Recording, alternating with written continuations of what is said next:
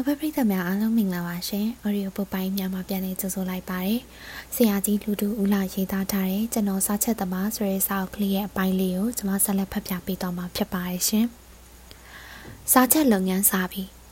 တရင်ကျွလာဆန်း9ရက်နေ့အလုံးစဝင်တဲ့နေ့မှာပဲကျွန်တော်စားဖို့ပြောင်းနေပါတယ်။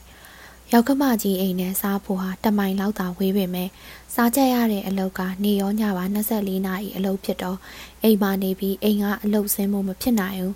ဖိုမာအိတ်ဖိုမာစာခဏတစ်ဖြုတ်အားသလိုရှိရင်တယောက်ယောက်ကိုပြောပြီးအိမ်ကိုတော့ပြန်နိုင်ပါတယ်ကျွန်တော်ကတနေ့တစ်ခေါက်အိမ်ကိုမှတ်မှန်ပြန်တယ်အိမ်မှာနိုင်ဝက်တနာရီတော့နေတယ်ကျွန်တော်ဝင်လုံးနေတဲ့စားဖို့ဟာရှေးအစဉ်အဆက်ကလှုပ်လာတဲ့စားဖို့ဟောင်းကြီးပါအလုံးစားဝင်တာနဲ့ ချောင်းနာကပင်လယ်ရေငန်းလှောင်ကွက်ကြီးထဲမှာ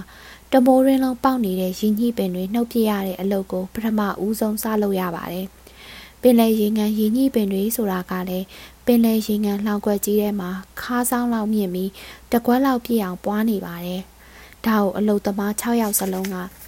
အကွက်ကြီးရဲ့ကိုဆင်ကျုံနဲ့ဆွဲတဲ့လူကဆွဲလက်နဲ့နှုတ်တဲ့လူကနှုတ်ပြီးလူတရက်မြင့်နဲ့ကသိန်းရိုးပေါ်ပြစ်တင်ကြရပါတယ် လေငါရဲ့ကြာလို့ကသိန်းရိုးပေါ်ကရင်းကြီးပင်တွေခတ်တက်ထက်ကလေးဖြစ်လာတော့မီးရှို့ဖြစ်ကြတာပဲအလံ90ပတ်လည်ရှိတဲ့ပင်လယ်ရေငန်လောင်ကွက်ကြီးတဲ့ကရင်းကြီးပင်တွေကိုရှင်းလင်းအောင်နှုတ်ပစ်ပြီးတဲ့အခါကျတော့ဖာစရာထေးစရာရှိတဲ့ကသိန်းပောင်ဖာရထေးရပြန်တယ်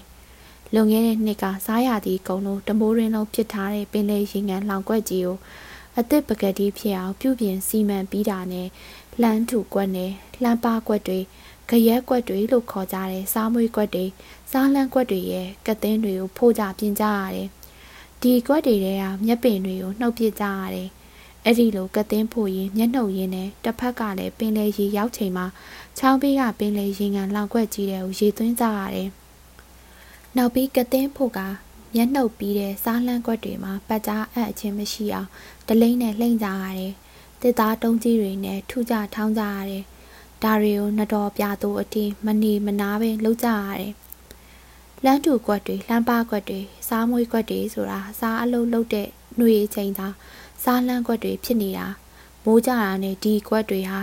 ကျွေးစကြက်နွားစကြက်တွေဖြစ်ကုန်တယ်။မိုးကုံလို့စားလို့ပြန်လှုပ်ကြမယ်ဆိုတော့ကသင်းတွေလည်းမရှိဘူး။နွားတွေကျွဲတွေနင်းထားလို့နွားချေရကျွဲထေရတွေနဲ့ခရောင်းတော့ကြီးဖြစ်နေပြီ။ဒါကိုအကွက်ပြန်ရိုက် ကသင်းအတစ်အသစ်တင်ပြီးတမန်တလင်းခင်းထားသလိုကြောင်ချောနေတဲ့အကွက်တွေဖြစ်အောင်လှုပ်ကြရတာဖြစ်တယ်။တချို့စားဖို့ကြီးတွေကြတော့အခုလိုပြောင်ချောနေတဲ့အကွက်မျိုးတွေ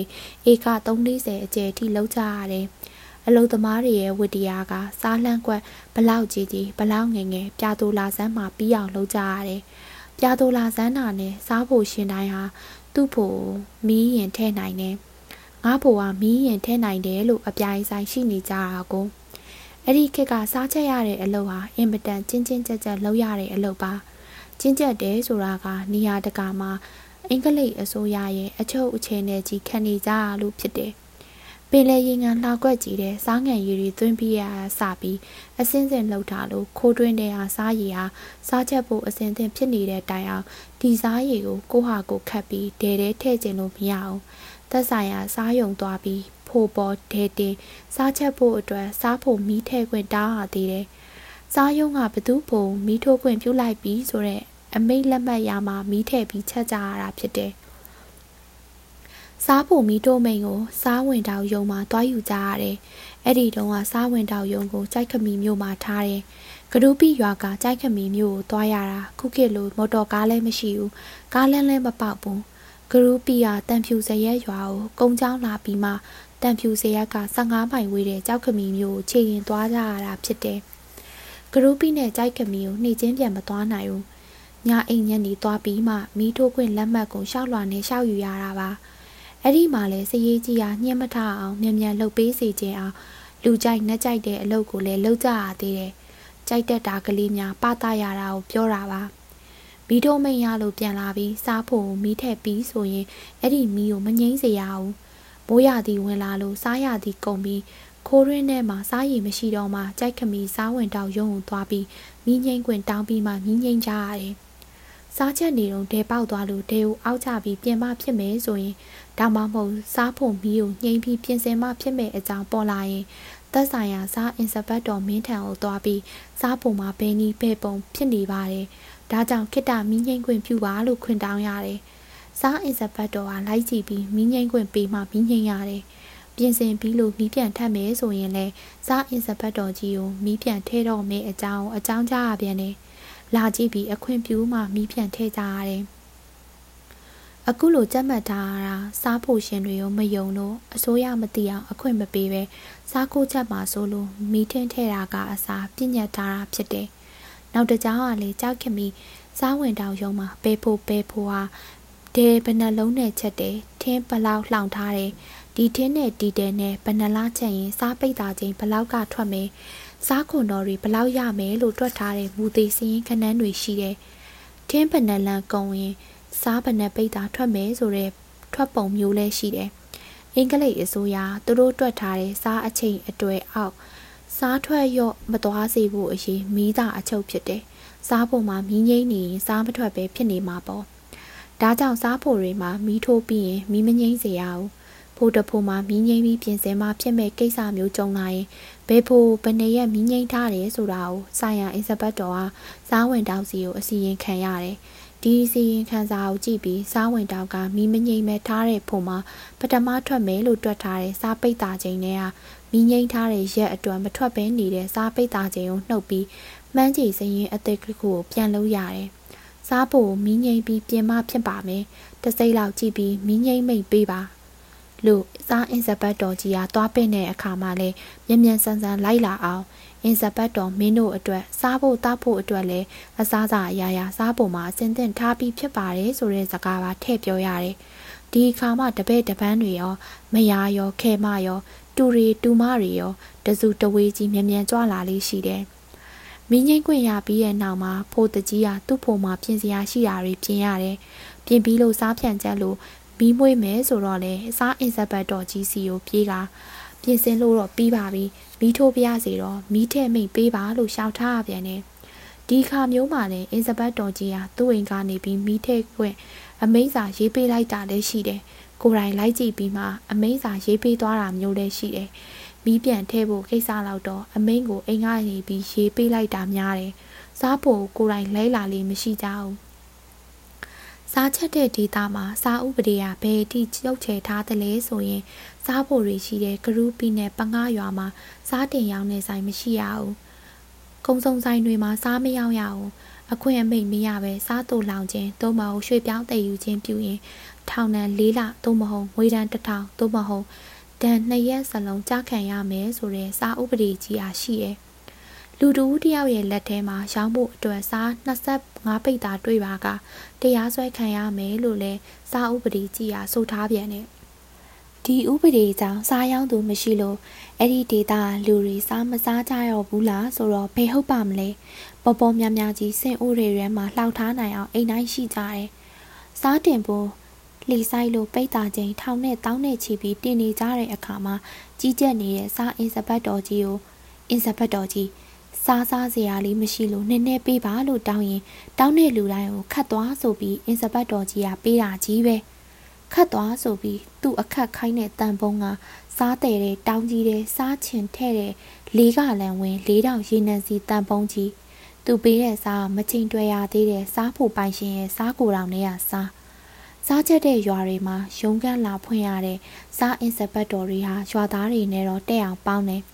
ရွာသားတွေနဲ့တဲ့အောင်ပေါင်းပြီးမနေတတ်ရင်သူတို့အဖို့အထီးကျန်ဖြစ်နေမှာပေါ့သူတို့အဖို့မနစ်နာစေဘူးဆိုရင်တော့အရက်သားတွေရဲ့ဇာနာကိုလိုက်ရောနိုင်သမျှလိုက်ရောပြီးပေါင်းကြတယ်ဒါကြောင့်စားစားစံမရှိလို့နည်းနည်းလောက်ပေးပါအင်စပတ်တော်ကြီးလို့သွားတောင်းတဲ့အခါစားပုံကြီးတွေကရေတန်းစီပုံကြီးနဲ့တပုံးစာလောက်တော့ပေးလိုက်တာပေါ့ အင်စပတ်တော်ကြီးကစားကိုသူရောက်တာမဟုတ်ပေးတာဖြစ်လို့ဥပဒေအရာမညှိဆုံးပါဘူးတဲ့စားလုပ်ငန်းမှာစားအင်စပတ်တော်နဲ့စားဖို့ပိုင်ရှင်ဟာအတူတူပူးပေါင်းပြီးလုပ်ရင်လုပ်မလုပ်ရင်ပြဿနာရှိတတ်တယ်။စားအင်စပတ်တော်ဟာဥပဒေအရာကြီးရှောက်လုပ်နေလို့မဖြစ်သေးဘူး။ဥပဒေနဲ့ကပ်ပြီးညစ်လို့ကြီးလည်းမလုပ်နိုင်ဘူး။ဥပဒေအရာနိုင်ကွက်ရှိတယ်ဆိုပြီးစားဖို့ရှင်ကိုအမြဲညှင်းနေလို့ခြင်းလို့လည်းမဖြစ်နိုင်သေးဘူး။စားဖို့ရှင်နဲ့ အတ္တဟိတပရာဟိတလှုပ်တဲ့အခါလေးလှုပ်ကြရတယ်။နှစ်ဦးပေါင်းပြီးအကျိုးစီးပွားအတူတူရှာတာလေးရှိတယ်။လူချင်းသဟဇာတာမဖြစ်လို့အင်ဇဘတ်တော်ဟာစားဖို့ပိုင်ရှင်ကိုထောင်ချပစ်ဖို့ခက်ပေမဲ့စားဖို့ပိုင်ရှင်ဟာစားအင်ဇဘတ်တော်တယောက်ကိုလက်စတုံဖျောက်ဖျက်ပစ်ဖို့ဟာလွယ်ပါတယ်။စားချစ်တဲ့ပူရဲကိုထဲဖျောက်ဖျက်ပစ်တာမျိုးတောင်ရှိတယ်လို့ကြားဘူးတယ်။အများအားဖြင့်တော့ကာလဒေတာပယောဂကိုကြည့်ပြီးမိစဉ်ကြီးကသွားကြတဲ့ပုဂ္ဂိုလ်နှစ်ဦးပါ။ စားစားချက်တဲ့အခမ်းအနားကျွန်တော်ဝင်လို့တဲ့စားဖို့ဟာပြာသူလာဆန်း3ရက်နေမှမီးထိုးမိန်ကြလာတယ်။စားဖို့ပိုင်ရှင်ကိုယ်တိုင်ကြိုက်ကမီမျိုးကစားဝင်တောက်ရုံမှာသွားယူလို့ရလာတဲ့အမိန်နဲ့တခြားဖို့တွေတော့မကြသေးဘူးအဲ့ဒီနှစ်ကဂရုပီမှာကျွန်တော်တို့စားဖို့ကပထမအဆုံးမီထိုးမိန်ရတော့ဖိုးတကြီးကဖိုးရှိမှာအလန်တိုင်ထောင်ပြီးအလန်ကြီးလွင့်တင်လိုက်တယ်အနံတလန်အလျားသုံးလံခွဲလောက်ရှိတဲ့အဖြူရောင်ကြက်ရှာအလံပါ အလံပြားကကြက်ရှာမှာမီးပွားအနီနဲ့အလံကြီးလွင့်တင်ပြီးတဲ့နောက်ဖိုးအမွှေးတိုင်းဖျောင်းနိုင်တွေနဲ့ထွန်းညှိပူဇော်တယ်စိတ်ရောင်ကြီးမီအိုးတုပ်တွေကို အထုပ်လိုက်အထုပ်လိုက်ဖောက်တယ်ကိုယ်တိုင်မီးမွေးတယ်မီးတောက်လာတော့သူကိုယ်တိုင်ခိုးတွင်းတွေကစားရည်ကိုငင်ပြီးဒေဦးကြီးတဲ့ကိုထည့်တယ်ဒေကြီးသုံးလုံးနဲ့စားရည်တွေပြေးတော့ကျွေစွန်းကြီးနဲ့အုံးစီတစွန်းနဲ့ရေနံစီအဖြူတစွန်းစီဒေအိုးတွေတဲကိုလိုက်ထည့်တယ် စားချက်တဲ့အခမ်းအနားဖွင့်နေဆိုပါတော့နောက်မှသိရတာစားချက်တဲ့ဒဲတွေကိုရေနံစီတစွန်းနဲ့အုံးစီတစွန်းထည့်ထားရင်မီးတော်ယုံတန်ယုံလွန်ယုံနဲ့အိုးမကတ်ဘူးစားချိုးမကတ်ဘူးစားလဲအယောင်ဖြူတယ်လို့သိရတယ်စားဖို့ကြီးမီးဆွဲတော့ဖို့တကြီးကကျွန်တော်တို့အလုပ်သမား6ယောက်ကိုနေ့မှာအတူတူလှုပ်ကြညကြရင်3ယောက်စီနှစ်စုခွဲပြီးပထမဝင်တဲ့ညာဦးပိုင်း3ယောက်က3ပြန်ချက် 3ပြန်ချက်ပြီးရင်ဒုတိယဝင်တဲ့အဆိုင်က3ပြန်ချက်တိုးဖို့ကနေ့6ပြန်ည6ပြန်ပို့လိုတယ်လို့ပြောတယ်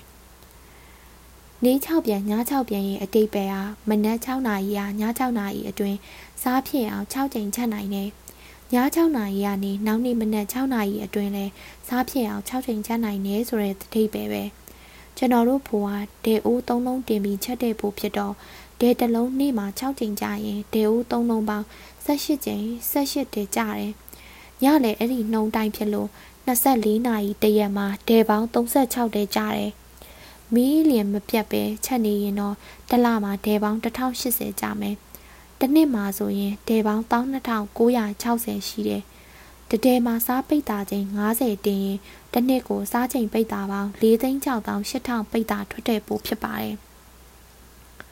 တကယ်ချက်တော့အကြောင်းမျိုးမျိုးနဲ့ပြတ်တာစီးတာတွေနှုတ်လိုက်ရင်တစ်နှစ်မှာပိတ်တာ4သိန်းတော့ထွက်နိုင်တယ်။စားချက်တဲ့ဒဲဆိုတာဈေးမှာရောင်းတဲ့မိုးပြဲတဲကြီးမျိုးတွေမဟုတ်ဘူး။သင်္ဘောကြီးတွေကုန်းပတ်မှာခင်းတဲ့အထူဒုတမူအနံလေးပေအလျားရှစ်ပေရှိတဲ့တံပြားကြီးတွေနဲ့ကိုဟာကိုလှုပ်ယူရတဲ့တဲမျိုးပါအထူဒုတမူအနံလေးပေအလျားရှစ်ပေရှိတဲ့တံပြားတစ်ချက်နဲ့ နောက်တစ်ချမ်းဖြစ်တဲ့ဒုတမူအနံနှစ်ပေအလျားရှစ်ပေတံပြားကိုပေးသားခြင်းတက်ရက်ဖြစ်တည်ပြီးဆက်လိုက်ရတာဖြစ်တယ်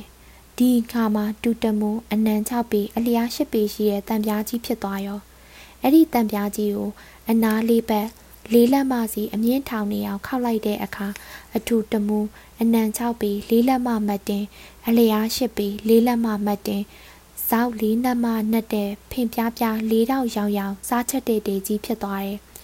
ကျွန်တော်တို့ဖွာအဲ့လိုဖင်ပြားထေကြီးမျိုးသုံးခုကိုအလျားလိုက်ခွင်ပေါ်မှာတစ်ဆက်တည်းတင်ထားနိုင်တဲ့ဖိုးရှိကြီးဖြစ်တယ်။ဒီဖိုးရှိကြီးမှာမီးထိုးပေါက်က၃ပေါက်ရှိတယ်။ဖိုးလုံးတဲ့အခါမီးဖုတ်ပြီးသားအုပ်တွေနဲ့လှုပ်လို့မရှိကြဘူး။နေလန်းအုပ်ပြားကြီးတွေနဲ့လှုပ်ကြတာပဲ။နောက်တော့မီးရှိန်နဲ့နေလန်းအုပ်တွေကျက်သွားပြီးမီးဖုတ်ထားတဲ့အုံမျိုးဖြစ်သွားတယ်။ ဖိုခွင်ကိုလှဲဝင်ရိုတန်ချောင်းကြီးတွေနဲ့ခင်ထားတယ်။မီးရထားလမ်းမပေါက်သေးတော့အခုခေတ်ဖိုတွေလိုမီးရထားတန်လန်းတွေနဲ့မခင်းနိုင်ကြဘူးမီးကနေ့နဲ့ညနဲ့ဆက်ပြီးနေ့မီညမီတနွေလုံးတမိုးလုံးထိုးရတာဖြစ်တော့လဲဝင်ရိုတန်ချောင်းပေမဲ့ကြာတော့မီးစားပြီးခါတိမ်ကုန်တယ်မီးရထားတန်လန်းကတော့ဒုကောင်းလို့မီးခံတယ်ဖိုးတကြီးဟာ နေ့မှာအလုတ်ကို6ယောက်စလုံးကြာရလုပ်ပြီးညဘက်ကျတော့3ယောက်စီနှစ်ဆိုင်ခွဲလုပ်ကြပါလို့ခိုင်းပုံထဲမှာအိတ်ချိန်ရဲလို့မမေရရမထားပေမဲ့အလုတ်သမားတွေအေးအေးမပြောင်းစီစဉ်တာဖြစ်တယ်။စားချက်သမားဆိုတာတကယ်တော့အိတ်ချိန်စားချိန်ရဲလို့အချိန်သတ်မှတ်ထားလို့မရနိုင်ဘူး။6ယောက်စလုံး24နာရီအလုံးနဲ့လက်နဲ့မပြတ်အောင်လုပ်နေရတဲ့သူတွေပါ။ထမင်းလည်းအလှည့်နဲ့စားရတယ်။ထမင်းစားပြီးလို့စေးတံတအိုးလောင်စီးစိမ်နဲ့ထောင်ထိုင်တော့ဖို့ အချိန်ရတဲ့သူတွေတော့မဟုတ်ဘူးညဘက်မှာနှစ်ဆိုင်ခွဲပြီးလုံးရမယ်ဆိုတော့ပထမဆိုင်၃ယောက်ကစားသုံးပြန်ကြတဲ့ညတကောင်အတီတာဝန်ယူရတယ်ဒီအဆိုင်မှာတယောက်ကပထမအကြိမ်စားတဲ့သုံးလုံးစလုံးကိုကြားတဲ့အတီမီးဆောင်ထိုးနေတော့ကျန်တဲ့နှစ်ယောက်ကအိတ်ချင်အိတ်နိုင်တယ်ဒေရီစားပွင့်လို့ခတ်ပြီးအေးခံဖို့ရုပ်သေးစင်ပေါ်တင်နိုင်ပြီဆိုရင်မီးဆောင်တဲ့လူကအိတ်နေတဲ့လူနှစ်ယောက်ကိုစားခတ်ဖို့နှိုးရတယ် စားခတ်တယ်ဆိုတော့၃ယောက်စလုံးတယောက်တတေစီခတ်ကြရတယ်စားရည်လောင်ထားတဲ့ခိုးတွင်းနဲ့ကတ်နေတဲ့ဒဲရလူဟာသူ့တဲတဲကစားကိုအလေတဲတဲကိုခတ်ထည့်ရတယ်အလေတဲကလူကလည်းသူ့တဲတဲကစားတွေခိုးတွင်းနာတဲကခတ်ထည့်လို့သူ့တဲတဲကိုရောက်လာတဲ့စားတွေပါရုပ်သေးစင်နာကတ်နေတဲ့တဲတွေကိုခတ်ထည့်ရပြန်တယ်ရုပ်သေးစင်နာကဒေရှင်ကလည်းသူ့တေရစားနဲ့သူ့တေတွေရောက်လာတဲ့စားတွေအားလုံးကို ရုပ်သေးစင်တွေကိုခတ်ထည့်ရပြန်ရောဒီလိုအစီအစဉ်အလိုက်ခတ်ထည့်သွားတဲ့အခါခိုးရင်းနာအတဲတွေဟာစားတွေဟာအရင်ကုန်သွားတယ်။ကုန်နာနဲ့ဒီတေရှင်ဟာခိုးရင်းနဲ့ဟာစားရည်ကိုမောင်းတက်နဲ့ခတ်ပြီးချက်ချင်းသူ့တဲတဲကိုထည့်ရတယ်။အလေကတဲကလေဒီတိုင်းပဲစားခတ်လို့ကုန်တာနဲ့တခြားချက်ချက်ဖို့စားရည်ပြန်ထည့်ရပြန်တယ်။ရုပ်သေးစင်နာတဲလေထိုနီး၎င်းပဲ တတဲရတတဲကိုစားခတ်တဲ့ကော်ပြားဟာစားချိန်နှစ်ပိတ်သာခက်ယူနိုင်တဲ့ဒူတမူပြက်တတောင်လောက်ရှိတဲ့တန်ရောက်မှခွက်ခွက်ကြီးလိုဟာမျိုးတန်ရောက်ချိုကြီးဖြစ်ပါတယ်။အဲ့ဒီလိုဒဲသုံးဒဲကစားပွင့်တွေကိုရုပ်သေးစင်နဲ့အကုန်ခတ်သွင်းပြီးထက်ချက်ဖို့ဒဲတဲမှာစားရည်ပြန်ထည့်ပြီးရင်ပထမတပြန်စားဖြစ်ပြီးလို့ခေါ်တယ်။ဒီတစ်ခါပထမအဆုံးမီးဆောင်ထိုးရတဲ့လူကခဏနာပြီးကျန်တဲ့လူနှစ်ယောက်ထဲကတစ်ယောက်ကမီးပြန်ဆောင်ရတယ်။ ဒုတိယတပြန်စားမဖြစ်ခင်နှစ်ယောက်နားနေနိုင်တယ်။ပထမအဆိုင်ကလူ၃ယောက်ဟာညတကောင်စားသုံးပြန်ကြတဲ့အထိတယောက်မီဆောင်နှစ်ယောက်ကနာတာဝန်ကုန်တဲ့အခါဒုတိယအဆိုင်လူ၃ယောက်ကတကောင်ကနေပြီးမနက်6နာရီအထိစားသုံးပြန်ကြအောင်တာဝန်ယူကြရတယ်ဒီတော့ပထမအဆိုင်ကလူတွေအလုပ်လုပ်နေတော့ဒုတိယအဆိုင်ကလူတွေကညနေ6နာရီကနေတကောင်အထိအိတ်နေနိုင်တယ်ဒုတိယအဆိုင်ကလူတွေအလုပ်လုပ်နေတော့ပထမအဆိုင်ကလူတွေက တကောင်ကနေပြီးမနက်6နာရီထိအိတ်နေနိုင်တယ်ပေါ့ဖိုတကြီးကအခုလိုအစီအစဉ်မျိုးနဲ့အလုပ်သမားတွေအိတ်ချင်ရအောင်အိတ်နေနိုင်အောင်လှုပ်ထားတယ်ဆိုပေမဲ့တကယ်တော့ဘလူးမကောင်းကောင်းအိတ်လို့ဖြစ်ကြတာမဟုတ်ပါဘူး။စားတတဲ့ကကြာလို့ရင်2နာရီပါ။2နာရီတိုင်းထထပြီးစားခတ်နေရတာနဲ့ပဲဘယ်အေးရေးဝါတော့မှလဲ။စားဖို့တွေမှာရုပ်သေးစင်လို့ခေါ်ကြတဲ့စားအေးအေးခံထားတဲ့နေရာအကြောင်းထပ်ပြီးကျွန်တော်ဖြည့်ပြောဖို့လိုပါသေးတယ်။ ရုပ်သေးစင်ဆိုတာကစားကိုတောင်ကစားချက်တဲ့ဖိုးစီကိုလက်တကန်းလောက်နီးအောင်ထုတ်ထားတဲ့တီးကြားဆောင်တစ်ဆောင်ဖြစ်ပါတယ်။အစာပတ်လည်ကိုနှစ်နှစ်တလက်မှတသားတန်းတွေထောင်ပြီးတစ်ချောင်းနဲ့တစ်ချောင်းတစ်လက်မှချာစိတ်စိတ်ကာထားရပါတယ်။တဲတဲကစားပူပူခတ်ပြီးပြစ်ချလိုက်တဲ့နေရာအခင်းကိုလည်းသုံးတစ်လက်မှတစ်သားကြောင်တွေနဲ့လက်တလုံးချာရိုက်ပြီးခင်းထားရတယ်။ဒါဟာဥပဒေအရလောက်ကြရတာဖြစ်တယ်။ ဥပဒေအစားကိုတဲရခတ်ပြီးအေးခံလောင်ထားရမယ်ရုပ်သေးစင်ကိုလေဝင်ပေါက်ကြဲကြဲကားပြီးအသေးပိတ်ထားရမယ်စားကိုလည်းသုံးတစ်လက်မတစ်သားတန်းတွေနဲ့လက်မဝက်ချပြီးခင်းထားတဲ့အပေါ်ကနေပဲသွင်းရမယ်လို့ဆိုတယ်ရုပ်သေးစင်မှာစားတွေအေးလို့ကိုတောင်နဲ့ပြောင်းထည့်ရမယ်အခါကိုတောင်နဲ့ရုပ်သေးစင်ကြားဝင်ဖို့ထွက်ဖို့လူဝင်ပေါက်တကားတစ်ခုလှုပ်ထားရတယ်။အေးပြီးသားစားတွေကိုကိုတောင်နဲ့ပြောင်းထည့်ရတော့မှဒီတကားတော့ကိုဖွင့်ရတယ်။ စားအင်စပတ်တော်စီမှာတော့တချောင်းဖိုရှင်စီမှာတော့တချောင်းထားတယ်။နှစ်ဦးဖွင့်မှာဒီတကားကပွင့်တယ်။အခုလိုစီကံဥပဒေလှုပ်ထားရတာကစားဖိုရှင်တွေအပြင်ကိုစားခိုးထုတ်မှာဆိုလို့တဲ့။စားအင်စပတ်တော်ကြီးကလည်းညနေပိုင်းတွေမှာရုပ်သေးစင်ကိုရောက်လာတတ်တယ်။လာပြီးမတင်ကားစိတ်ပေါက်လာရင်အေးခံထားတဲ့စားပုံကိုဝင်ပြီးနေရာလက်မရှိအောင်တစိမ့်ရိုက်လိရှိတယ်။တစိမ့်ရိုက်ထားလို့ခိုးလို့မရဘူးပေါ့။ခိုးရင်တစိမ့်ပြတ်မယ်။ စားအိမ်စပတ်တော်တယောက်ဟာစားဖို့လေးဖို့လောက်တော့တာဝန်ယူထားရတယ်။သူ့အလောက်ကသူတာဝန်ယူထားတဲ့စားဖို့လေးဖို့စလုံးစေအောင်အ ਨੇ ဆုံးတရက်ချထားရတယ်။ရောက်တာနဲ့ရောက်တဲ့ဖိုရဲ့ရုပ်သေးစင်နဲ့အားစားကိုသူ့မျက်စိအောက်မှာချင်းချင်ပြီးကိုတောင်ထဲကိုသွင်းစေတယ်။စားအလုပ်သမားတွေဆိုတာစားအင်စပတ်တော်ရောက်လာရင် လုံနေစေအလုပ်တွေကိုခဏနာပြီးစားအင်စပတ်တော်ခိုင်းတာအောင်လုပ်ကြရတယ်။ ရကြရောက်လာတယ်ဆိုတော့နှစ်ရက်ချက်ပြီးအေးခံထားတဲ့ရုပ်သေးစင်တွေကစားအလုံးကိုချင်းပြီးကိုတောင်ထဲကိုထည့်ရတယ်။ဒေသုံးထည်နဲ့နှစ်ရက်ချက်ထားတဲ့စားတွေကိုကိုတောင်ထဲချင်းပြီးသွင်းတဲ့အခါချိန်ခွင်တို့အလေးတို့နဲ့လုံမနေနိုင်ဘူး။အချိန်တို့ပြီးအမြန်လုံးရတော့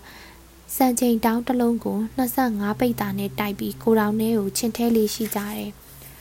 ရုပ်သေးစင်နဲ့စားတွေပြအောင်ချင်ပြီးတဲ့အခါကိုတောင်ထဲမှာပုံနေတဲ့စားပုံကြီးပေါ်ကအင်ဇဘတ်တော်ကြီးကမွားနေအောင်တစိမ့်တွေနှိပ်ပြန်တယ်။ပြီးတော့တကားပိတ်တော့ခတ်သွားပြန်ရော။အဲ့ဒီမှာစားအင်ဇဘတ်တော်နဲ့စားဖို့ရှင်နဲ့အပြန်အလှန်ပြဿနာပေါ်တတ်တာမျိုးလည်းရှိတယ်။စားအိမ်စပတ်တော်ကြီးမှာပေါ်တက်တဲ့ပြဿနာက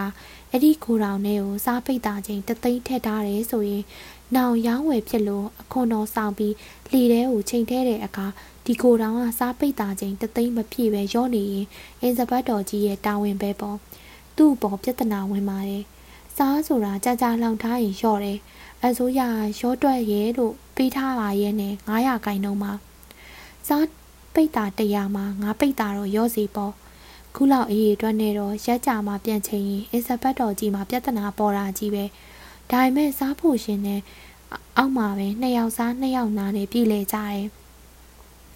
စားဖို့ပိုင်ရှင်မှာပေါ်တတ်တဲ့ပြဿနာကတော့စားအိမ်စပတ်တော်ကြီးအားရက်ချပြီးရုပ်သေးစင်နဲ့အားစားတွေကိုကိုတောင်ကြီးတွေကိုချင်သွင်းတယ်ပထမတစ်ခါမှာစားပိတ်တာချင်း3600ကိုတောင်ထဲကိုသွင်းနိုင်တယ်ဆိုပါတော့နောက်ဒုတိယအခေါက်ရောက်လာလို့စားချိန်သွင်းတဲ့အခါ စားချိန်3600မပြည့်ပဲရောနေရင်ဘာကြောင့်ရောတယ်လဲဆိုတဲ့ပြဿနာဝင်တော့တာပဲပထမအပတ်မှာစားချိန်3600ထွက်ရင်ဒုတိယပတ်မှာစားချိန်3600ထွက်ရမယ်ပထမအပတ်ကစားချိန်3600ထွက်ပြီးဒုတိယပတ်ကြမှာစားချိန်3600အောက်ရောနေမယ်လို့မဖြစ်ဘူးမူလခိုးရင်းကစားရည်ကိုမူလလန်တင်းထဲမှာမူလတဲမှာ24နာရီချင်းတူတူချက်ပါရဲ့နေကဘာကြောင့်ရော့နေရသလဲအပြင်ကိုခိုးထုတ်လို့လား ဒါဟာစားဖို့ရှင်မှာပေါ်တက်တဲ့ပြဿနာပဲတကယ်တော့ခုလိုဖြစ်ရင်အထက်ကိုမရောက်ပါဘူးအောက်မှာပဲနှစ်ယောက်စကားနှစ်ယောက်နားနဲ့ပြေးလေကြတယ်စားအစ်ဇဘတ်တော်နဲ့စားဖို့ရှင်တို့အပြန်အလှန်ဒုက္ခဖြစ်တတ်တဲ့ခုလိုပြဿနာမျိုးမှာအတာဟိတာပရာဟိတာသဘောနဲ့ပဲအချင်းချင်းလူမှုရေးအရာရှင်းလင်းကြတာပဲဒီလိုကိစ္စမျိုးလောက်တော့မပြီးမငြိမ့်ရဲလို့ဖေရှိပါမလဲစားချက်သမားနဲ့အလောင်းအစား စားဖို့မှာကျွန်တော်နဲ့အတွဲမိဆုံးကဦးမြဆိုတဲ့ပုဂ္ဂိုလ်ဖြစ်တယ်သူ့အသက်က90ကျော်ပါပြီအညာသားပါမုံရွာဘက်ကလို့ဆိုတယ်ဘယ်ပုံဘယ်နည်းနဲ့အောက်ဖြီအောက်ရွာဂရုပီစားဖို့တွေကိုရောက်လာတယ်လေတော့မပြောတတ်ဘူးလူကပိန်ပိန်မြင့်မြင့်မျက်ပေါက်ကကျင်းကျင်းနှက်ကြုံကြုံနဲ့ပြီးတော့လေလူပြိုကြီးတဲ့အလောင်းစားဝါသနာကြီးတယ်စားချက်သမားတွေရဲ့အလုတ်တာဝန်ထဲမှာဥမြအကြောက်ဆုံးအလုပ်ဟာပ င်လယ်ရေငန်လောင်ကွက်ကြီးတဲ့ကိုခြေနှင်းဆက်လို့ခေါ်တဲ့ချားနဲ့နေပြီးရေသွင်းရတဲ့အလုပ်ပါချားနဲ့နေပြီးရေတင်တာအဝေးရကြည့်ရင်ခုနှစ်ပေလောက်မြင့်တဲ့ပင်လယ်ရေငန်လောင်ကွက်ကြီးတဲ့ထိပ်မှာလူတယောက်ရက်ပြီးကျမ်းမာရေးလေးကျင့်ငန်းနဲ့ဟာခြေနှစ်ချောင်းကိုတစ်ဖက်ပြီးတစ်ဖက်မြောက်ချီချကြီးနဲ့ဘဲညာအချိန်မှန်လေးကျင့်ငန်းလုပ်နေတယ်လို့မြင်ရမှာပါ အမှန်မှာတော့ပင်လယ်ရေငန်းလှောင်ကွက်ကြီးတဲ့ကိုကသိန်းရိုးပေါ်ကချောင်းကလေးတဲ့ကိုထိုးချထားတဲ့အရှိဆဲပြီးပြက်တပီဇောက်တပီရှိတဲ့ဒိုးယိုပေါက်တစ်သားတစ်တာရှိကြီးရဲ့ထိတ်ကချောင်းဝင်ရိုးခြေနှင်းပူပေါ်မှာရှက်ပြီးသူနှင်းထားတဲ့ဘူးနဲ့ဝင်ရိုးနဲ့ရှည်တဲ့တပိုင်းရောက်နေတဲ့တစ်တာရှိကြီးအဝါကချောင်းဝင်ရိုးအထိချင်းချိုးသဘောဆက်သွယ်ထားတဲ့ပြက်ဆယ်လမ်းမှာဒူးတမတ်ရှိတဲ့ဒလက်ပြားကလေးတွေကို တစ်တာရှိကြီးထဲမှာအထက်နဲ့အောက်တစ်ပတ်ပြီးတစ်ပတ်တက်နေဆင်းနေအောင်ခြေတစ်ဖက်စီနဲ့ပင်ညာမှန်မှန်နေချပေးနေရတာဖြစ်တယ်။ဒီလိုနင်းနေမှလည်းတလက်ပြားကလေးတွေကချောင်းထဲရရေတွေကိုတစ်တာရှိကြီးတွေကတစင်ပင်လယ်ရေငန်လှောက်ွက်ကြီးတွေကိုရက်ပြီးပို့ပေးပါတယ်။ခြေနှင်းဘူးဆိုတာချောနေအောင်ပုတ်ခံထားတဲ့ထိတ်ဝါ6လက်မှာအရှိ12လက်မရှိတဲ့တစ်သားတုံးဖြစ်ပါတယ်။ဒီတုံးမျိုးလေးတုံးကိုချောင်းဝင်ရိုးမှာကပ်ပြီးတလက်သဘောတက်ထားပါတယ်။ ဒီလူကအဲ့ဒီပုံမှာတက်ပြီးနင်းနင်းပြီးနင်းစင်းဆိုသလိုအထက်အောက်ကိုတတုံးမိတတုံးမယံမနာနင်းချရတယ်။နင်းပုံကလည်းနင်းတဲ့လူရဲ့ရှေ့မှာခါးဆောင်လောက်အမြင့်တန်းထားတဲ့လက်ကင်ဝါးတန်းကလေးကိုလက်နှစ်ဖက်နဲ့မိပြီးနင်းတုံးပူအပေါ်ကအောက်ရောက်အောင်လူအလေးစဉ်လူအားရှိသမျှနဲ့ခြေတစ်ဖက်ပြီးတစ်ဖက်နင်းနင်းချရပါတယ်။လေးလိုက်တာလဲလွန်ရောအချင်းမရှိရင်7မိနစ်မခံနိုင်ဘူး။ပေါင်တွေခြေသလုံးတွေကွာပြီးကြွတ်တက်မှအမှန်ပဲ။ ဘာနဲ့အလားတူပါသလဲဆိုရင် ပေါင်လေလောက်နဲ့တဲ့နှွန်ထဲမှာဘေးညာအချိန်မှတ်ပြီးလမ်းလျှောက်နေရတာနဲ့တူတယ်။အခုလိုနင်းနေတော့ချီညောင်းလိုဖြစ်စေအကြောင်းတစ်ခုခုကြောင့်ဖြစ်စေရက်လိုက်တာနဲ့တက်တာရှိကြီးတဲ့အားရှိတွေချောင်းထဲကိုပြန်ကျသွားမယ်။ဒါကြောင့်ချားကိုစာနင်းမိတာနဲ့မရက်မနာနင်းကြရတယ်။ရေကျသွားလို့တစ်တာရှိကြီးတဲ့ကဒလက်နဲ့ရေနဲ့မမီတော့ဘူးရက်ပြီးအလုတ်သိမ်းကြရတော့တယ် ပြီးတော့ဒီဝင်ရိုးတစ်ချောင်းထဲမှာပဲလူနှစ်ယောက်ဘေးချင်းရှင်ရက်ပြီးနင်းနိုင်အောင်ခြေနှင်းပူကိုနှစ်နေရာခွဲလုပ်ထားတော့တယောက်ကနေပြီးတယောက်ကမြန်လို့လည်းမဖြစ်ဘူးနှစ်ယောက်စလုံးခြေနှင်းညီညီစီးကျက်ကြကြနင်းမှဖြစ်တယ်တယောက်တည်းနင်းမယ်ဆိုရင်ချောင်းထဲကရေကိုရက်ပြီးတင်တဲ့တလက်ကနေရာရွေးမှာမဟုတ်ဘူးအဲ့ဒါလောက်ပဲလေးတာပါအဲ့ဒီရေတင်တဲ့ချိန်နှင်းဇက်လို့ခေါ်တဲ့ချားကြီးကိုဦးမြအင်မတန်မုန်းတယ် ဒါပေမဲ့ပင်လယ်ရေတရက်ထဲရဲ့ရေတက်ချိန်ရောက်လာရင်သူရှောင်လို့မရဘူးရေရောက်တဲ့အချိန်မှာထနေရတာပဲတကယ်တော့သူဖြစ်အောင်စူးစမ်းပါရဲ့ချားနေဖို့ကိစ္စပေါ်လာရင်ကျွန်တော်နဲ့ပဲသူကတွဲပြီးနင်းနေခနင်းနေနင်းတဲ့လူချင်းကို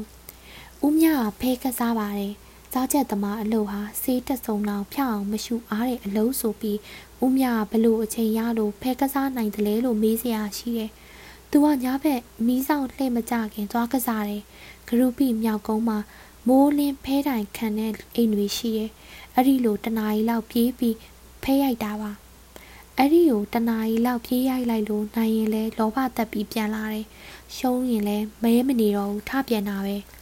ဦးမြရဲ့ဖေးကစားပုံကအနိုင်အရှုံးကစားတာတဲ့အချိန်နဲ့ကစားတာမျိုးဖြစ်တယ်ဆိုတော့အချိန်နိုင်စေတာနဲ့နိုင်လဲထပြန်တယ်ရှုံးလဲထပြန်တယ် ဒါကြောင့်တင်ပါတယ်သူဖေးကစားရင်ပိုးစိုးပတ်စံမဖြစ်လို့ဘူးနေတွက်စီတာများတယ်မောင်မြဖဲရိုက်တာလောင်းကစားတာကိုမြမာတွေကမကောင်းတဲ့အလုပ်လို့ပြောကြတယ်ဒိုတရုတ်မှာတော့လောင်းကစားတဲ့အလုပ်ကိုအသက်မွေးဝမ်းကြောင်းအလုပ်ထဲကိုထည့်ထားတယ်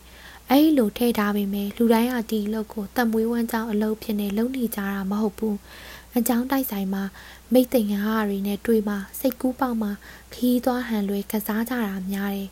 ပြည်ကြီးမှာရွာတိုင်းလောင်းကစားဝိုင်းတွေကိုတရဝင်ဖွင့်ထားတယ်အစိုးရကိုအခွန်ဆောင်ထားရတယ်လောင်းကစားနီးပေါင်းဆောင်ရှိတယ်လေးကောင်ချင်းကစားမလားစုံမကစားမလားဖဲရိုက်မလားဘလို့ဖဲမျိုးရိုက်ချင်တယ်လဲမကြောက်ကစားကြတာတော့လိုင်စင်နဲ့အခွန်ဆောင်စရာမလိုဘူးဘယ်မှမဆိုလူဆောင်ရင်ကစားလိုက်ကြတာပဲမလွတ်လက်ခင်ကတရုတ်ပြည်မှာဖြစ်ပါတယ်စာရေးသူ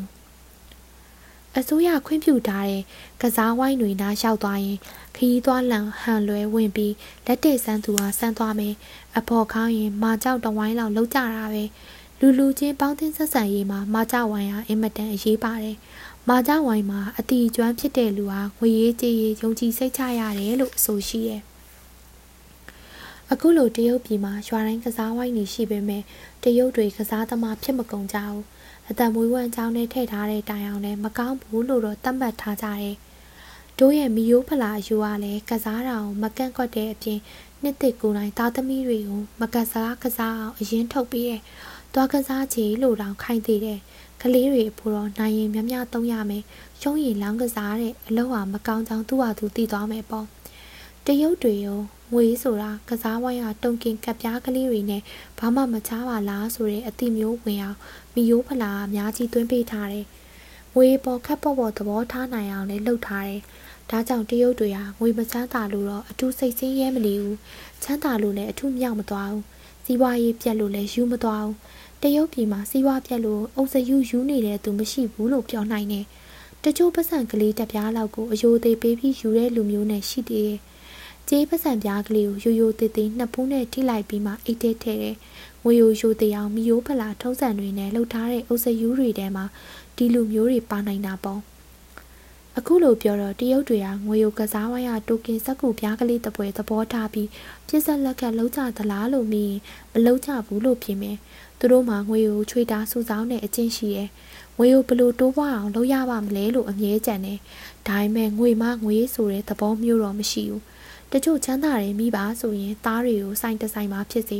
လုပ်ငန်းတစ်ခုမှာဖြစ်စေထမင်းစားကြုံခံအပ်ထားကြတယ်အခုလိုထားတော့ဒီကလေးကကျိုးနွန်လာတယ်အလုတ်ကျွမ်းကျင်လာတယ်ငွေမရှိတာနဲ့အလုံးမရှိတာအရေးကြီးကြအောင်နားလည်လာတယ်အလုံးဆိုရင်ဘာလို့လောက်ရလောက်ရဝင်မလေးတော့ဘူးတချို့ချမ်းသာတွေမိပါကြတော့သားတွေကိုငငယ်ကလေးဟာဆရာငှားပြီးဖဲရိုက်တင်စေတယ်လောင်ကစားနီးမျိုးစုံအသင်ခိုင်းတယ်လိန်ကြီးညာနီးရအစားဖဲသမားတွေကစားနည်းတွေ တက်အပ်တဲ့ပညာရက်တွေမှန်သမျှအောင်သင်ပေးတယ်။အခုလိုတက်တာတော့အပေါင်းတင်ကြောင်ဝင်ကစားမိအောင်အယုတ်ဆိုးလာအောင်မရှုံးနိုင်ဘူး။ကိုယ်တိုင်ကမလိန်ဘူးထားတခြားသူရဲ့လိန်နာဟုတ်သိရင်ထသွားနိုင်လို့တပန်းတာတယ်။ဒီလူဟာကစားတဲ့အကွက်နဲ့တော့ဒုက္ခမဖြစ်စေဘူး။မိဘအမွေပစ္စည်းဥစ္စာတွေနဲ့တားကိုထားရစ်ပြီးမျက်နှာလွှဲသွားနိုင်တဲ့ဘဝကူးဖြောက်မိမောင်များတို့မှာကအစအစကလေးကဒီလိုသဘောမျိုးမရှိဘူး ကစားတာကိုအကော်ကြံနဲ့အလုံးလိုယူဆထားခြင်းကိုကအရင်နီးကလေးထုတ်ပြီးတဝိုင်းလုံးမှာရှိတဲ့ပတ်စံတွေအကုန်လိုချင်လို့ဘယ်ရမလဲငွေတစ်ချက်ရင်ပြီးဈေးရောက်တဲ့အခါတမတ်မြန်ရင်အပုံကြီးမြတ်တာပဲဘဲကစားရမှာတတစ်ချက်ရင်လို့တမတ်မြန်ရင်ရက်တာပြစ်လိုက်ဘာမှငဲ့မနေနဲ့ဈေးရောက်ရသလောက်အချိန်မကုန်လူမပင်ပန်းပဲဈေးရောက်လာလောက်မြန်ရင်ဘာလို့သေးလဲမတော်တဆအရင်တစ်ချက်ရှုံးသွားရင်လည်းဒီကနေ့ဖို့ရက်တာပြစ်လိုက် နောက်နေ့မှပြန်ကစားခြင်းရင်ပြန်ကစားလို့ဖိုတကြီးကဦးမြဝါဩဝါဒပေးတယ်။ဦးမြကတော့ဖိုတကြီးကိုရောဖိုတကြီးရဲ့စကားရောအမှုမထားလာပါဘူး။မိုးချုပ်လို့သူ့မီးဆောင်အလှည့်မကျသေးရင်မြောက်ကုန်းဘက်ကဖဲဝိုင်းထဲကိုရောက်သွားတာပဲ။တညတော့ဦးမြဖဲနိုင်လာပြီးငွေစိတ်ကျွန်တော်အပ်တယ်။စားဖို့မှာအလုပ်သမား6ယောက်တည်းရှိပေမဲ့ငွေရေးကြေးရေးမှာဘသူကဘသူကိုစိတ်မချဘူး။သူ့နိုးငါခိုးငါနှိုးငါခိုးဆိုသလို ငွေချင်းနဲ့ပတ်သက်လာရင်တဲ့သစ္စာမရှိကြကြဘူးဦးမြမှလည်းဒီငွေကိုတင်ထားဖို့တစ်တာမရှိဘူးသူ့အိယာကောင်းလောက်ပဲရှိတယ်ဒါကြောင့်အိုးအိမ်ရှိတဲ့ကျွန်တော်အထားတာဖြစ်တယ်နှစ်ရက်လောက်ကြာတော့အိမ်ကိုအပြန်အိမ်သားမှာဖြစ်နေတဲ့ထိုးခွက်ဝိုင်းမြောက်ပန်းဝိုင်းမှာကျွန်တော်ဝင်လန်းတာသူ့ငွေတွေကတစ်ချက်ရှုံးသွားတယ်ဖိုးတကြီးရဲ့ဩဝါဒအတိုင်းတစ်ချက်ရှုံးတော့ကျွန်တော်စက်မလန်ပဲရက်လိုက်တယ်အဲ့ဒီညဦးမြရဲ့ငွေတစ်ချက်ရော့သွားပြီလို့ပူလိုက်ရတာအဲ့လိုတော့မပြောဘူး နောက်နေ့အိမ်ပြန်တော့ရှုံးသွားတဲ့ငွေတစ်ချက်ပြန်ရအောင်ကျွန်တော်ဝင်ပြန်လှန်တယ်တစ်ချက်ရှုံးသွားပြန်ရောဒီတခါတော့ဖိုးတကြီးရဲ့ဩဝါဒအောင်နားမထောင်တော့ပဲကစားတယ်ဆိုတာတတိရှိမှနောက်ကလိုက်ရဲမှလှေမျောလှေချင်းလိုက်ငွေမျောငွေချင်းလိုက်လို့အများပြောလို့ရှိတဲ့စကားအတိုင်းဆက်ကစားတယ်တစ်ချက်ရှုံးရင်နှစ်ချက်ချထိုးတယ်နှစ်ချက်စားသွားရင်လေးချက်ချထိုးတယ်ဦးမြရဲ့ငွေအစိတ်အလုံးကုန်သွားရောဒီတော့လေပြီးခဲ့တဲ့နေ့ကတစ်ချက်ရှုံးသွားလာအောင် ပူပန်တော့ကမရောက်တော့ဘူးကုံပြီးပဲဘာတက်နိုင်မှလဲလို့စိတ်သက်သာရရသွားတယ်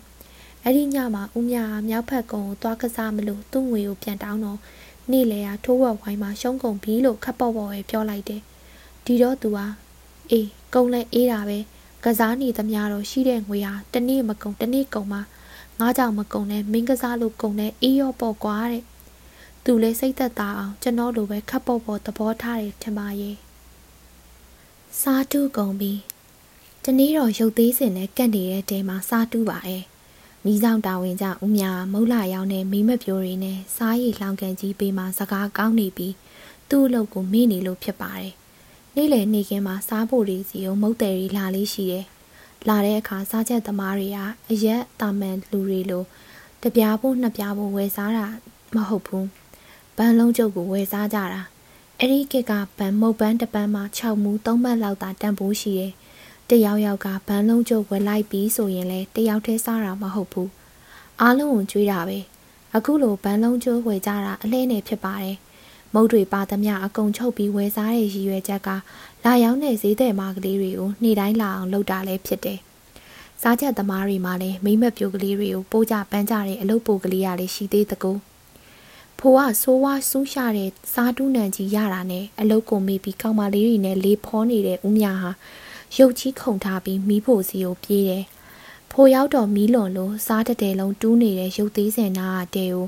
မီးလျော့ယုံနဲ့မပြီးတော့ဘူး။ဖိုးဘောကသုံးတဲ့စလုံးမီးငိမ့်ပြစ်လိုက်မှဖြစ်မဲ့ကိစ္စဖြစ်နေတယ်။ဘာဖြစ်လို့လဲဆိုတော့ရုပ်သေးစင်နာကတဲဟာစားတွေတူးယုံနေမကပဲတဲပါပေါက်နေပြီလေ။စားချက်တဲ့နေရာမှာစားတူးလို့ထွက်လာတဲ့အနံ့ဟာတိတ်ပြီးဆိုးရတယ်။ နီနီနာနာလီအောက်ကဆိုရင်ဘသူမှဒီနန့်ကြီးကိုမခံနိုင်ကြဘူးသူ့အနံ့ကဘာနဲ့နဲ့မှမတူပါဘူးအင်မတန်ဆိုးတဲ့အနံ့စားတူးတဲ့ကိစ္စမှာဖိုဘောကဒဲသုံးတဲ့အနံ့ခိုးရင်းနာကဒဲမျိုးတူးရင်ဒီဒဲအောက်ကမီးကိုညှိမ့်လိုက်ပြီးရေထက်ထဲလို့ရတယ်ပြီးတော့ဒီရေကိုခတ်ထုတ်ပြရတယ်အဲ့ဒီလိုရေထဲလိုက်ခတ်ထုတ်လိုက်နေဒဲကိုဆေးပြီးမှဒဲဖေးမှာကတ်နေတဲ့ကြိုးတွေကိုချစ်ထုတ်ပြရတယ် တတဲလုံးပြောင်းလဲနေအောင်တိုက်နေချွတ်နေတော့ကြံတဲ့တဲနှလုံးကိုဆက်ပြီးချက်နေနိုင်တယ်။အလဲတဲ့တူးရင်လဲဒီတဲကိုမီးလျှော့ပြီးစေးကြောတိုက်ချွတ်နေတော့ကြံတဲ့တဲနှစ်တဲကိုဆက်ချက်လို့ရတယ်။ရုပ်သေးစင်နာကတဲတူးရင်တော့တဲသုံးလုံးစလုံးရက်ပစ်လိုက်ရတယ်။အကြောင်းကတော့ရေထဲရတဲ့အခက်အခဲနဲ့ရေခတ်ထုတ်ပြရတဲ့အခက်အခဲကြောင့်တူးတဲ့ဒီတဲကိုပြင်နေတော့ကြံတဲ့နှလုံးကိုခိတခဏရက်ထားမှဖြစ်တဲ့အတွက်ဖြစ်တယ်။ အခုကိစ္စရုပ်သေးစင်နာတဲဟာစာယိုယိုတူးတာမဟုတ်ပဲဒဲပါပေါက်သွားပြီဆိုတော့တဖို့လုံးအလုံးရက်ပြစ်လိုက်ရတဲ့ကိစ္စဖြစ်လာတာပေါ့စားတွေတူးကုန်ပြီးဒဲကြီးပေါက်သွားတော့ဦးမြဟာချိန်မကင်မိလက်မကင်မိနဲ့ဟိုလူအော်ခေါ်ဒီလူအော်ခေါ်နဲ့ဖြစ်နေတော့ဖိုတကြီးလည်းကမန်းကတန်းရောက်လာတယ်ဖိုတကြီးရဲ့အိမ်ကစားဖို့နဲ့နှစ်ဖာလုံးလောက်ဝေးတယ်စားတူးနဲ့ရလို့ထွက်လာတာဖိုရောက်လို့ဒဲပါပေါက်နေတာတွေ့ရတော့စူလို့ကိုမဆုံးတော့ဘူး သူကလည်းဝင်လဲလှုပ်တယ်စူလဲစူတယ်ဒါမျိုးကိုငယ်သားတွေကသဘောကျတယ်ဝင်မလုပ်ပဲနင်းကန်ပြီးတော့စူနေတဲ့လူကြီးမျိုးကိုသာအလုသမားတွေကမကြိုက်တာနိုင်ဝက်လောက်ကြာအောင်စူလို့ပူလို့ပြီးတော့မှစားအင်စပတ်တော်ကြီးစီကိုဒဲပေါက်သွားတဲ့အကြောင်းမိငိန်ထားလိုက်ရတဲ့အကြောင်းအကြောင်းကြားဖို့ထွက်သွားတယ်သူသွားမှတတိယပြီးဈေးသည်တွေဘက်ကိုလှမ်းကြည့်မိတယ်မိရွှေချောတွေတရားမှမရှိတော့ဘူး ပေါက်သွားတဲ့တဲကိုအေတော့မှအောက်ချပြီးတမူးထူတန်ပြားနဲ့ပဲရစ်ပစ်တွေကိုဖာလိုက်ကြတယ်ဒါကနောက်နေ့မှလုံနိုင်တာဦးမြရဲ့ကောင်းမှုကြောင့်စားချက်တောင်နှစ်ရက်နဲ့တညနားလိုက်ရတယ်။ရုပ်သေးစင်နာဒေတလုံးပေါက်တဲ့အတွက်ဒေသုံးလုံးစလုံးရထားရလို့အ ਨੇ ဆုံးစားပိတ်တာချင်းတထောင်ကျော်တော့ပိုင်ရှင်အတွက်ရောတာပေါ့။အင်္ဂလိပ်အစိုးရမှာလည်းအ ਨੇ ဆုံးစားခွန်တော်ငွေ45ချက်ဆက်တပဲတော့နာမှာပဲ။ ဒေကြီးပေါက်တဲ့အချိန်ကစပြီးဖိုတကြီးမှာဘလို့အကြံပေါ်လာသလဲဆိုတော့စားချက်တဲ့တဲဟာအထူတမူးဆိုတာပါတယ်။တမတ်ထုတန်ပြားနဲ့သာလောက်ရရင်ဘယ်တော့မှစားတူးတဲ့ဒုက္ခနဲ့ဒဲပေါက်တဲ့ဒုက္ခမျိုးဖြစ်မှာမဟုတ်တော့ဘူးလို့ရွှေညံတော်စူရောက်လော်မူလာတယ်။ဒီတင်တမတ်ထုတဲ့တလုံးလုံးကြည့်မယ်လို့ဖြစ်လာတယ်။ကျွန်တော်တို့ကစားချက်နေတဲ့ဖိုးဟောင်းနာမှာဖိုးသစ်တဖိုးလောက်ခိုင်းတယ်။ ကျွန်တော်တို့မှလည်းနေမီညမီစားချက်နေရတာတစ်ဖက်ပင်လေရင်ငံလောက်ွက်ကြီးတဲ့ရေသွင်းနေရတာတစ်ဖက်နဲ့မအားအောင်ဖြစ်နေရတဲ့အတဲသူ့ဖိုးတဲ့အတွက်ရှုံစည်း၌ဖွဲချမ်းနဲ့တမအောင်ထောင်းနဲ့နေလန်းအုပ်ပြားကြီးတွေလောက်ကြရတယ်။အုပ်ပြားကြီးတွေကိုကျွန်တော်တို့လုံနေကြတော့ဖိုတကြီးဟာမော်လမြိုင်ဆင်းသွားပြီးအေယာဝတီတင်မောချင်းမှာတမတ်ထုတံပြားနဲ့အနက်6ပေအလျား10ပေရှိတဲ့ဖင်ပြားတေကြီးတွေကိုမော်လမြိုင်ကနေဂရုပိအရာလှင်းကားပြီးတင်းလာတယ်။ စားဖို့ရှင်အတိုင်းပဲဒေလုံးဖို့တံပြားကိုမော်လမြိုင်အေယာဝတီတင်မောချင်းမှာဝေကြတယ်။စားချက်ခွင့်လိုင်စင်စာရွက်ပြပြီးစားဖို့မှာတဲလို့ဖို့တံပြားဘယ်၍ပင်များလိုချောင်းရှောက်လွှာနဲ့ရှောက်ရတယ်ဒီတော့မှအေယာဝတီသင်္ဘောချင်းကတံပြားထုတ်ရောင်းတယ်။တံပြားရတဲ့အခါကျတော့စားဖို့ကိုတည်လာပြီးကိုယ့်ဟာကိုယ်စားချက်တဲ့တဲ့ဖြစ်အောင်လုပ်ယူကြရတာပဲ။ ကျွန်တော်တို့ဘိုးတကြီးဝယ်တဲ့တံပြားတမတ်တူဖြစ်တော့ဂရုပိလိုနေရာမှာလက်နက်မရှိပါမရှိနဲ့တဲဖြစ်အောင်လုပ်နိုင်မှာမဟုတ်တာနဲ့အေယာဝတီသင်္ဘောချင်းမှာပဲအပီးအငိမ့်လှုပ်ပြီးလှေလှဲငါတင်ခဲ့တာဖြစ်တယ်။ဒဲကြီးရောက်လာတော့ကျွန်တော်တို့ဖိုးတကြီးလည်းပြီးနေပါပြီ။တမတ်ထူတဲကြီးကိုဖိုးသစ်ပေါ်တင်ကန်ဒီမှာဖိုးတကြီးဟာဂရူပီဖိုတွေမှာချက်နေကြတယ်တမူးထူတဲတွေအားလုံးပဲစားမတူဘူးတဲ့တဲမပေါက်ဘူးတဲ့တဲရဲ့လို့မရှိဘူး ဒီတမတ်ထူတဲ့တဲကြီးကတော့စားမတူယုံတဲမပေါက်ယုံတာမကတမူးထူတဲတွေလို့မီးပူလို့လဲခုံခုံတက်မလာတော့ဘူးလို့ပြောတယ်စားချက်တဲ့အခါမီးပူအားကြည့်ရင်တမူးထူတဲတိုင်းပဲဖင်ကအထဲဘက်ကိုကော့ပြီးခုံခုံတက်တာကြီးပဲဖြစ်တယ်အဲ့ဒီလိုခုံပြီးကြွားတက်လာရင်ဝါလုံးနဲ့ထောင်ထောင်ချရတယ်ဒီလောက်ကိုရက်ကြားလောက်ဖိုးတိုင်းလုံးကြရတယ်သူ့တဲကတမတ်ထူတဲကြီးဖြစ်တာကြောင့်ထုရထောင်းရတဲ့ဒုက္ခငြိမ့်မယ်လို့ဆိုတာဖြစ်တယ် ကျွန်တော်တို့စားချက်သမား6ယောက်စလုံးသူ့ရဲ့တမတ်ထူတဲကြီးကြီးကို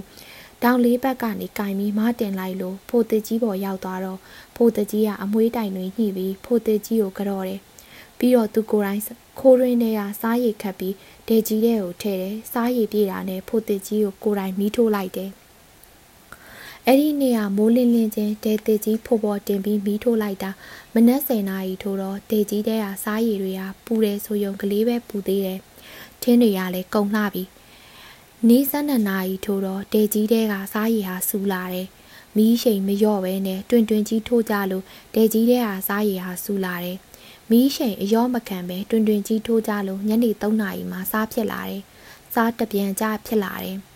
။အဲ့ဒီမှာမီးစာထိုးကြတဲ့ဟာစောင့်ကြည့်နေတဲ့ဖိုးတကြီးဟာတခါတော့မှိုင်ကျသွားပြီးဒီတဲကိုဒီတိုင်းထားလိုက်တော့လို့အမိန်ပေးတယ်။ မနက်6နာရီကနေညနေ3နာရီအထိနာရီပေါင်း9နာရီကြာမှစားတတ်တယ်စားချိန်ပိတ်တာ90ချက်လို့ပြီးတယ်ဆိုရင်ဖိုးရှင်မှာအရှုံးပေါ်ပါတယ်။9နာရီတီတီထိုးနေရတဲ့ထင်ဟာဘယ်နည်းနဲ့မှထင်းဖိုးရှုံးတာပေါ့အဲ့ဒီတမတ်ထူတဲ့ဒေကြီးဟာကျွန်တော်အလုတ်ကထွက်လာတဲ့အထိဖိုတစ်ကြီးတဲ့ပုံမှာဒီအတိုင်းပဲရှိနေတယ်။တမတ်ထူတဲ့ဒေတစ်ကြီးသုံးမရပဲအလကားဖြစ်သွားတာကိုအလုတ်သမားတွေကစိတ်မကောင်းကြဘူး။ ဖိုတစ်ကြီးခမညာမှလည်းသူ့ရဲ့စမ်းသက်ချက်မအောင်မြင်တာနဲ့စိတ်ပြက်နေရရှာတယ်။ကျွန်တော်တို့ဒေသကြီးဖိုးပေါ်တင်ရတဲ့ရက်ဟာပင်လေရေထားရက်နဲ့ကြုံတာနဲ့ဖိုးတကြီးလည်းအိမ်မပြန်ပဲအဲ့ဒီညစားဖို့မှအိတ်တယ်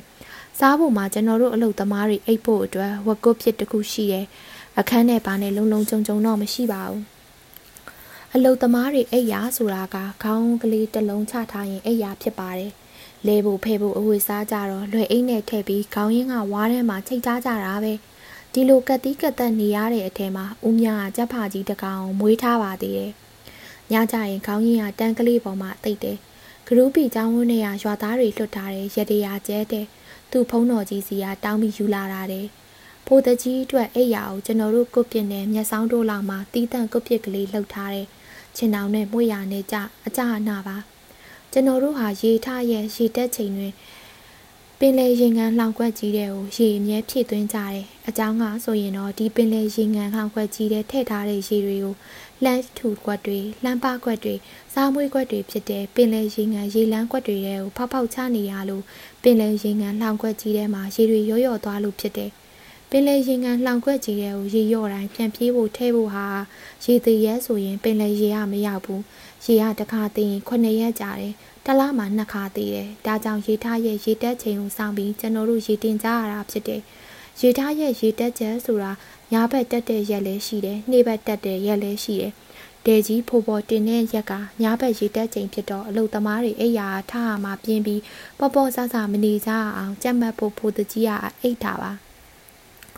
မမတ်ရရအဲ့ဒီနေ့ညစာကိုဂိုင်းဟင်းချက်စားကြပြီးဝမ်းလေးလေးနဲ့အိတ်ကြတယ်။ ဂိုင်းဟင်းဆိုတာရေပြေးလူနီးပါထည့်ထားတဲ့မြေဟင်းအိုးကြီးတဲ့ကိုငပီစာအလောတော်ထည့်ပြီးမီးပုတ်ထားတဲ့ငရန့်ကလေးတွေလက်မလောက်ကိုခြေထည့်ပွက်ပွက်ဆူလာတော့ဂိုင်းထဲကထွက်တဲ့အသည့်အပွင့်အညွန့်မှန်သမျှထည့်ရုံးပရိသီနုနုကလေးတွေပဲညွန့်ခွဲညွန့်ဘူးညွန့်စတာတွေပေါ့ဟင်းတအိုးလုံးမှာအရေးကြီးဆုံးကဇီးသီးကြောက်ပဲစီမထည့်ရဘူးစီပါရင်ကိုင်းဟင်းမဟုတ်တော့ဘူးအဖက်ကိုငပီးရည်နဲ့မြုပ်တို့ပြီးအရီကိုတောက်ကြရတယ် ဇီးသီးရဲ့တက်တီကြောင့်ဟင်းရည်ဟာချို့တိုးတိုးချင်းပြုံးပြုံးနဲ့ကျွန်တော်တို့လှုပ်ကြမ်းသမားတွေရဲ့ရှာနေတော့တိတ်မိပြီးအလွန်ထမင်းမိန်နဲ့ဟင်းပေါ်ညစာစားပြီးချိန်မှာဖို့တကြီးဟာမနက်၄နာရီချောင်းထဲပင်လေရီရောက်မယ်ပင်လေရင်ငံလှောင်ခွက်ကြီးတဲ့ကိုရေနေနေတယ်ည12နာရီမှာဒဲရီအားလုံးမီးလျှော်ပြီး၄နာရီထိုးတာနဲ့လူကုံစင်းရေနင်းကြဖုံမှာလှုပ်เสียရှိတာငါလုံမယ်လို့အမိန့်ချထားတယ် အဲ့ဒီညအလဲကျတဲ့ပထမဆိုင်သာည12နာရီအထိလှုပ်လှုပ်ပြီးကျန်တဲ့လူတွေအားလုံးဟာစောစောကလေးကအိတ်နေကြတယ်ပထမအဆိုင်သမား3ယောက်ကလည်းည12နာရီထိုးတာနဲ့ဒယ်ရီမီးလျှော်ပြီးအိတ်ကြရော